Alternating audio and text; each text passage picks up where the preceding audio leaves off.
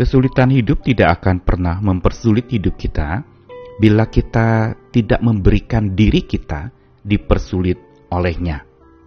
Dengan kata lain, sesungguhnya kita punya kemampuan untuk dapat mengendalikan, bukan mengendalikan apa yang terjadi menimpa hidup kita, tapi mengendalikan bagaimana kita bereaksi terhadap sesuatu yang terjadi di dalam hidup kita.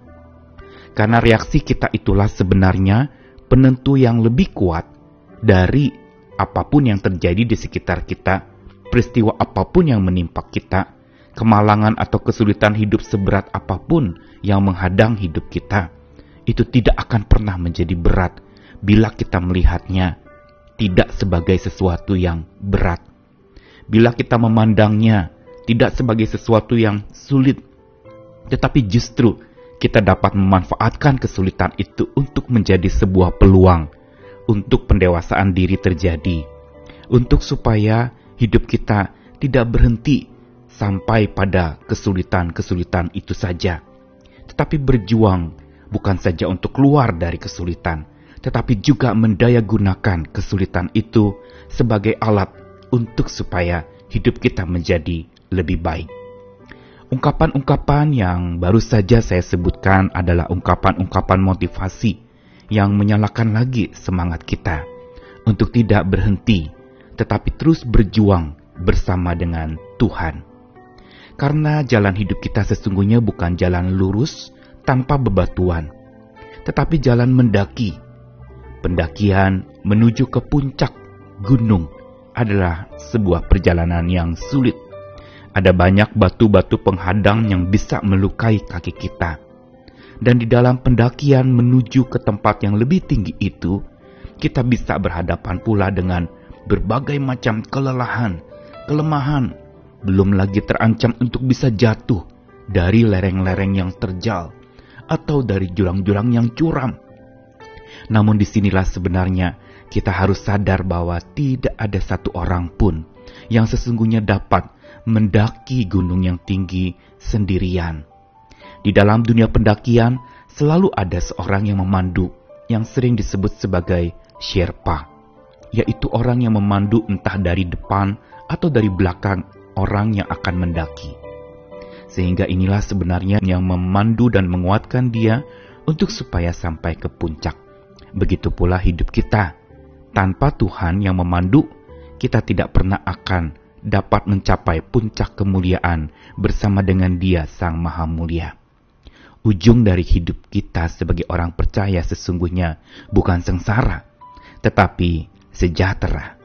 Saya Nikolas Kurniawan kembali menemani di dalam Sabda Tuhan hari ini, yang kali ini diambil dari Yeremia, Kitab Yeremia pasal 29 ayat 4 sampai 11. Beginilah firman Tuhan semesta alam Allah Israel, kepada semua orang buangan yang diangkut ke dalam pembuangan dari Yerusalem ke Babel.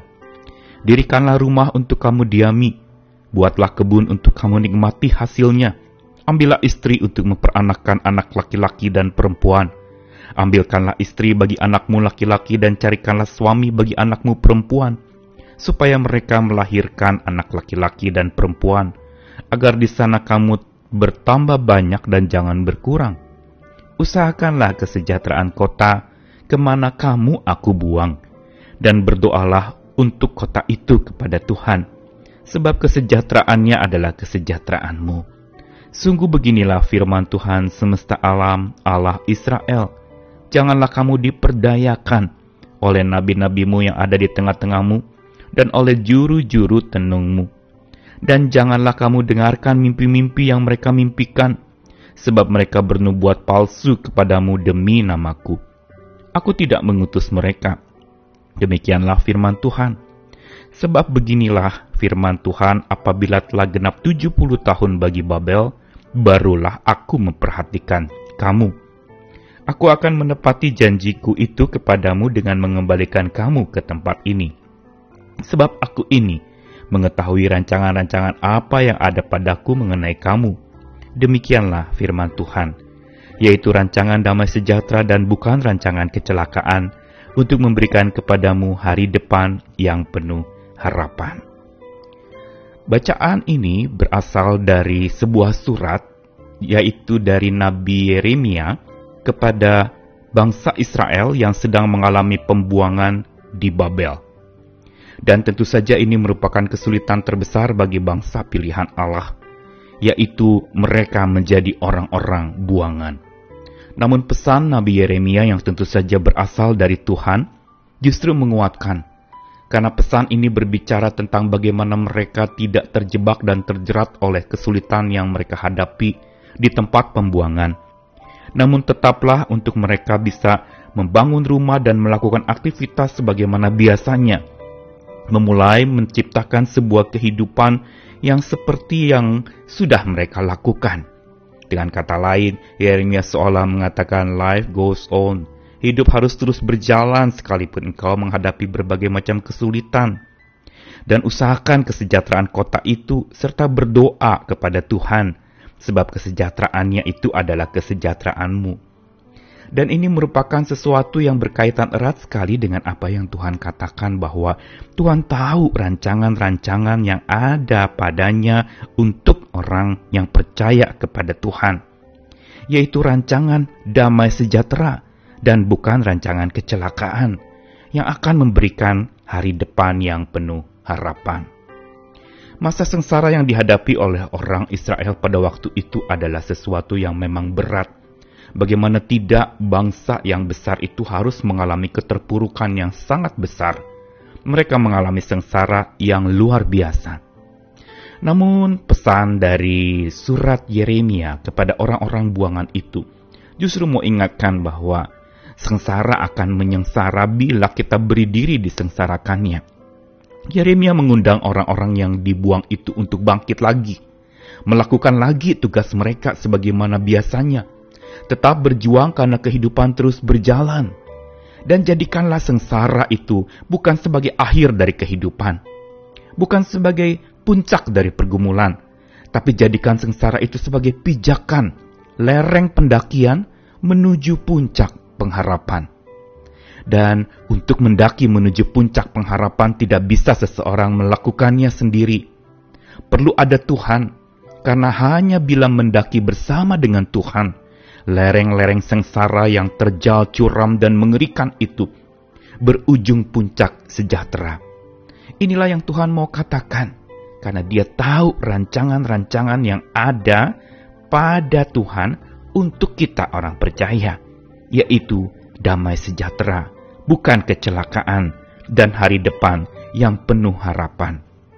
Karena itu, kalau kita mengalami hari ini masih masa-masa sengsara yang memberatkan, merepotkan, melelahkan, membuat kita tersesat, bahkan membuat kita merasa tidak dapat berkutik atau tidak dapat melakukan apa pun juga, ingat bahwa sengsara yang sedang kita alami hari ini adalah semacam lereng pendakian hidup kita menuju puncak sejahtera bersama dengan Tuhan. Karena Tuhan yang tahu puncaknya, dan Dia menuntun kita untuk menuju ke puncak sejahtera itu. Karena Dia yang tahu rancangan-rancangan sejahtera yang ada padanya itu adalah untuk kita. Karena itu, tetaplah berserah kepada Tuhan.